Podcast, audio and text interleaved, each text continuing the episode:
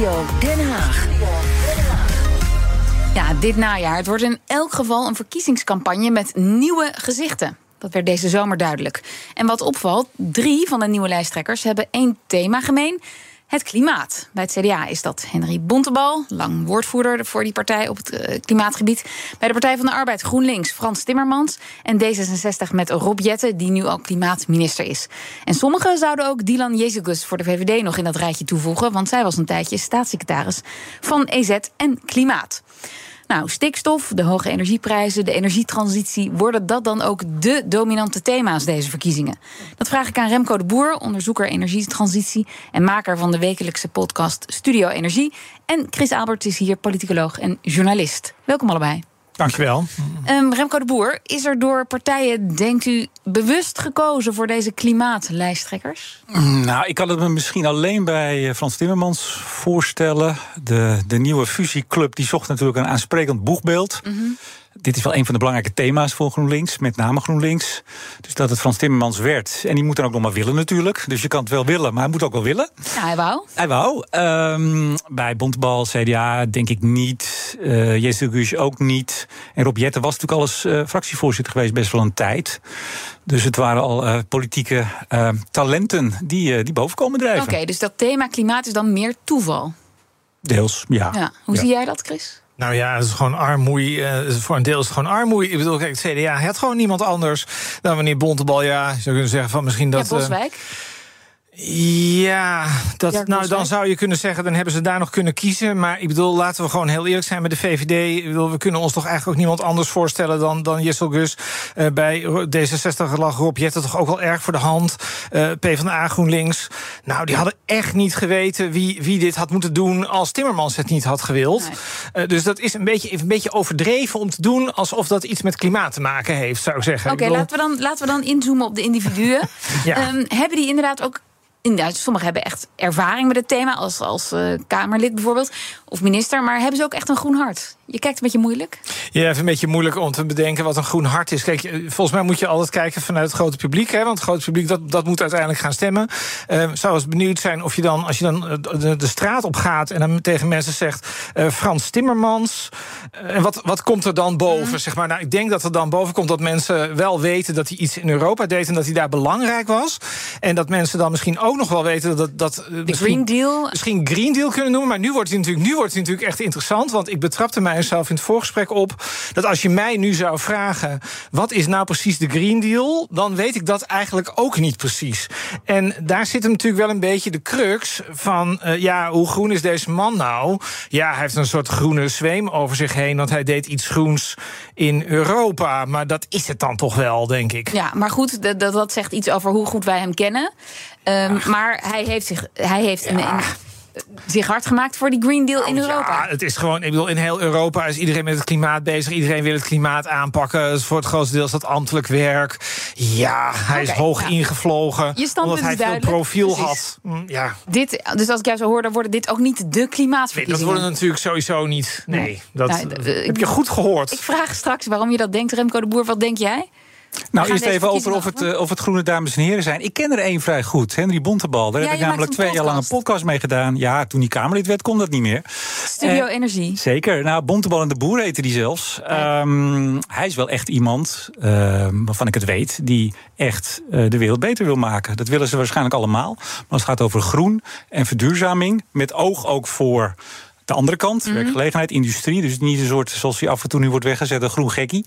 Maar als, hij, als je op een, uh, een gewogen manier of een afgewogen manier dat bij elkaar wil brengen, dat wil hij zeker. De andere ja. kan ik niet voor spreken. Want hij heeft ook gewerkt bij Steden, hè, de netbeheerder. Dus energie is wel een soort lijn in zijn. Ja, hij heeft bij een adviesbureau gewerkt. Hij is nog eens even zelfstandig geweest. Hij heeft echt geprobeerd. Hij wilde heel graag en wil heel graag het allemaal uh, ook op dat vlak en ook mm -hmm. op andere terreinen beter maken. Dus zijn uh, motivatie ken ik in ieder geval en die is goed. En of dit de klimaatverkiezing wordt, nou nee Nee, niet als het gaat over waar we het de afgelopen jaren vaak over gehad hebben. Het soort overtoepen van partijen op klimaatambities. En op doelen en op percentages. Want daar lopen we eigenlijk toch vooral gewoon aan de leiband van Europa mee. Het gaat nu veel meer over de gevolgen van het klimaat- en energiebeleid van de afgelopen jaren. En wat bedoel je dan met die gevolgen? Nou, me dunkt, je noemde er al een paar in de intro. De, stikstof, uh, de stikstofdiscussie. Stikstof is er één. Er staan meer dan 5000 bedrijven op een wachtlijst. Die kunnen geen, uh, eigenlijk het stroomnet niet op of geen uitbreiding. Dat is echt een enorm probleem. Het wordt een beetje onderschat. Um, de energierekening en met name ook de energiearmoede. Ik had vandaag bij Studio Energie daar een lang gesprek over. Het is echt een enorm probleem. Zonder de maatregelen die het huidig demissionair kabinet heeft ingevoerd, zouden we nu 1 miljoen huishoudens, 1 miljoen, in de energiearmoede hebben. Ja, dus dan niet, niet uh, je, je huis verwarmen omdat je daar simpelweg het geld niet voor hebt. Bijvoorbeeld mensen die gewoon de, de, kachel niet meer aanzetten uh, of het eten niet meer verwarmen. Uh, zo schrijnend zijn ze niet allemaal, maar dat, dat is dus een enorm probleem. En de industrie, laten we dat ook niet vergeten. En als we het toch over Bontebal hebben, die kwam op een gegeven moment als Kamerlid met de groene industriepolitiek, dat we die moeten gaan voeren. Er zijn toch ook partijen die de campagne in zullen gaan dat die industrie wel het land uit kan. Ja.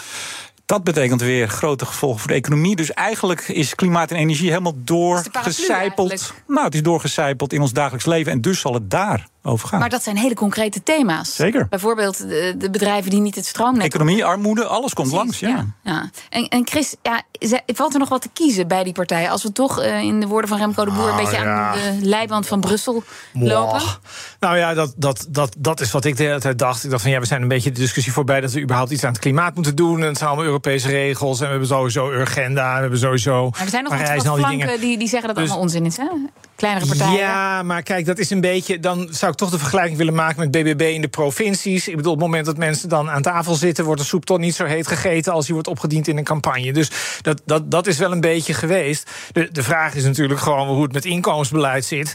Um, ik zou bijna zeggen, kijk naar de partij die het hoogst in de peilingen staat sinds een week. Um, uh, Omzicht heeft het over bestaanszekerheid. Nou, dat, gaat, dat heeft hij natuurlijk wel een verband. Dat heeft hij wel een verband mee. Maar dan gaat het natuurlijk toch in de eerste plaats gewoon over verdelingsvraagstukken. En ja, daar is klimaat een ja. Stukje in.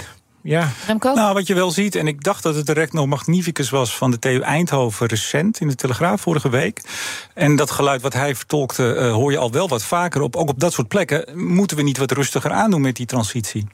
En waar BBB toch bij de laatste verkiezingen de grootste partij is geworden, eigenlijk op een op een hart. Uh, nou, dat stikstof en die regels, dat zullen we nog wel eens zien. Ze ging ook meneer Timmermans maar eens opzoeken, ja. of andersom geloof ik. In ieder geval die regels van Europa. Chris zegt het terecht. Wij lopen voor een heel groot deel gewoon aan de, aan de hand van Brussel. Het lijkt of wij hier ambitieus zijn, of juist niet. Maar we doen gewoon wat er moet. Nou ja, je zult wel uh, partijen kunnen krijgen, en BBB is daar een voorbeeld van... Uh, die zeggen, ja, maar moet dat dan wel? Mm -hmm. En dat een rector magnificus van een technische universiteit daarmee komt. En in de marge hoor je al veel vaker dit geluid. Ook bij sommige partijen in Moet de Kamer het in dit tempo of kan het wel ietsje langzamer? Nou ja, we zien nu, en daarom gaan die verkiezingen daarover... we zien nu, meer dan de afgelopen jaren... wat de gevolgen ervan zijn voor de economie... als het gaat over industrie en überhaupt verdienvermogen van het land. Dat is het enige waar minister Wiebes altijd wakker van lag, zei hij. Waar gaan we ons geld nog mee verdienen als de goedkope energie er niet meer is? Die is er niet meer. Er is altijd verteld dat de energietransitie uh, zonder wind, dat was gratis. Met de implicatie, nou dan zal de stroom ook wel gratis worden. Dat wordt die dus helemaal niet. Dat netwerk wat helemaal uh, spaak loopt. Dus ja, er is echt wel wat te kiezen. Want partijen hebben hier op de uitwerking en wat eraan te doen... absoluut niet hetzelfde standpunt. Nee.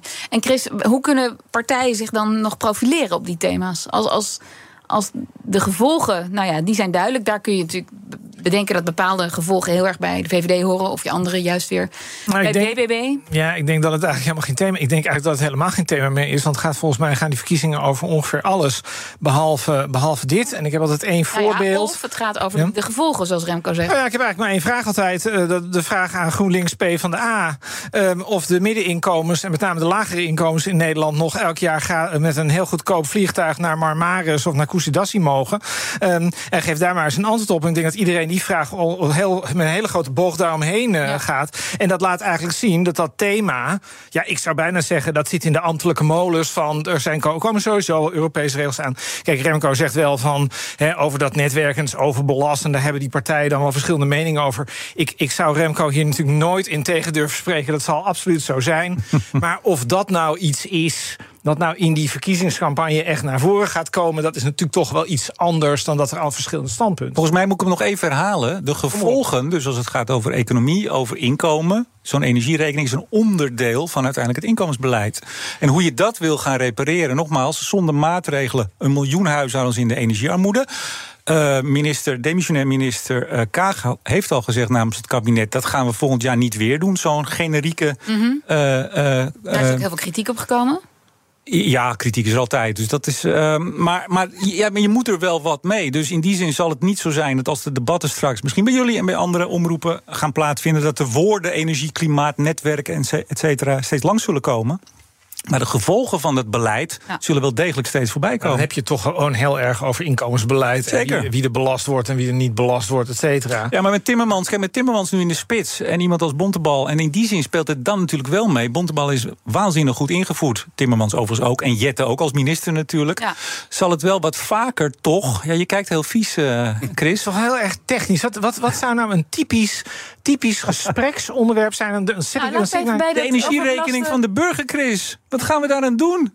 Wat gaan we daar aan doen? Nou, links, links zegt we gaan een beetje compenseren en rechts zegt we doen het niet. Ja, je houdt vooral eens je schouders op. Nee maar, dat, ja. nee, maar dat is, nee, maar dat is dan toch ongeveer wat er, wat er overblijft. De vraag is of daar echt heel veel meer dan dat in de techniek. Er zit natuurlijk heel veel techniek onder van wat je wel en niet belast, wat je wel en niet kan doen. En wat dat dan volgens Europese regeltjes wel en niet mag. Maar dat kan natuurlijk uiteindelijk, de meeste mensen dat natuurlijk gewoon helemaal niet volgen. De vraag maar, maar, is gewoon nee, maar wie er iets moet... Ja, mag ik nog, mag ik, nee, ik ga er gewoon dwars doorheen. Ik ga er gewoon dwars doorheen.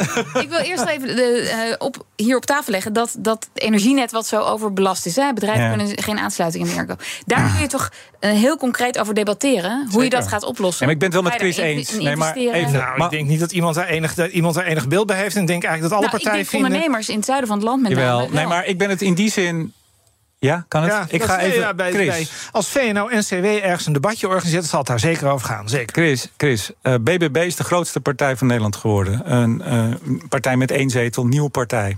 Dat hebben we inmiddels vaker gezien, dat partijen dat kunnen. Maar het is mede gelukt niet zozeer door alleen die stikstof...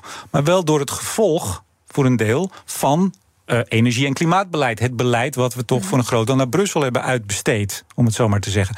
Dus ook dan, kijk, dan kun je van zeggen: ja, dat gaat niet over stikstof. Die verkiezingen zijn niet over stikstof gaan. Ja, dat gingen ze wel. En het ging over uh, de randstad, die met al die regels, de bekende grachtengordel-types, wat dan gezegd wordt. Bestuurscultuur. Bestuurscultuur, die over de rest van het land het hebben uitgestort. Dus in die zin kun jij zeggen: ja, dat ging niet over stikstof. Je kunt net zo goed zeggen: dat gaat het wel. En dat gaat het straks dus ook op die manier, niet zo direct. Er gaat niet gedebatteerd worden over regeltjes. Dus zo. Misschien vliegen we het hetzelfde aan en komen we uiteindelijk op hetzelfde, uh, komen we op hetzelfde uit. Namelijk, het gaat, er niet, het gaat er natuurlijk uiteindelijk wel over. Maar de vraag is of dat de hele tijd zo wordt benoemd. Dat zegt toch ook niemand? Chris Albert, eens wat saai eigenlijk dit. Ja. Waar gaat het dan wel over straks? Uh, bestuurscultuur. Het gaat over uh, dat er geen woningen sexy, zijn. Hè? Krijg je de nee, het is niet mee absoluut niet. Nee, het is absoluut, nee, het is absoluut niet sexy. Nee, maar uh, Pieter Omtzigt over... krijgt er heel veel peilingen mee. Dark Horse omzicht, die kan het Ja, maar kijk, wat we in Nederland natuurlijk doen... is we maken partijen groot... en dan vinden we ze na een paar jaar vinden we ze niet meer leuk... en dan doen we weer, doen we weer wat anders. Het gaat heel erg over personen. Mm. we hebben met elkaar... ja, ik vind het een beetje onaardig om tegen omzicht... of zo over, over omzicht te praten... maar we hebben omzicht toch een beetje half heilig verklaard. Dus ja, alles wat omzicht zegt... is eigenlijk op voorhand al waar en is fantastisch. En nou ja, er zijn ook problemen die, echt, die ook echt reëel zijn, die je noemt. Dus maar goed, het moet nog blijken hè, of je campagne kan voeren met het, uh, iets technocratisch als uh, bestuurscultuur. Ja, uiteindelijk gaat het natuurlijk gewoon om wat mensen in hun portemonnee hebben, wat ze zien in hun omgeving. Daar zal het uiteindelijk over gaan. Maar daar, daar zit, nogmaals, wat we net besproken hebben het afgelopen kwartier, heeft er een ontzettend sterke invloed op. Ja, en dat is heel erg te vangen onder die paraplu klimaat en energietransitie. Zeker. Volgens mij gaat het gewoon over, volgens mij gaat het gewoon over inkomens. Of mensen een huis kunnen vinden. Of mensen voor hun eigen moeder moeten gaan zorgen. dat ze er een wijkverpleging voor kunnen, kunnen, kunnen krijgen. Nou, de herfst duurt nog lang. Kom vooral terug om dat uh, op te tekenen bij ons. Dank jullie wel. Chris Alberts, politicoloog, journalist. En Remco de Boer, onderzoeker van de energietransitie. En maker van de wekelijkse podcast Studio Energie. Bij BNR ben je altijd als eerste op de hoogte van het laatste nieuws. Luister dagelijks live via internet. Bas van Werven. En heel langzaam komt de zon op rond dit tijdstip. Je krijgt inzicht in de dag die komt op BNR, het Binnenhof in Nederland en de rest van de wereld. De Ochtendspits. Voor de beste start van je werkdag. Blijf scherp en mis niets.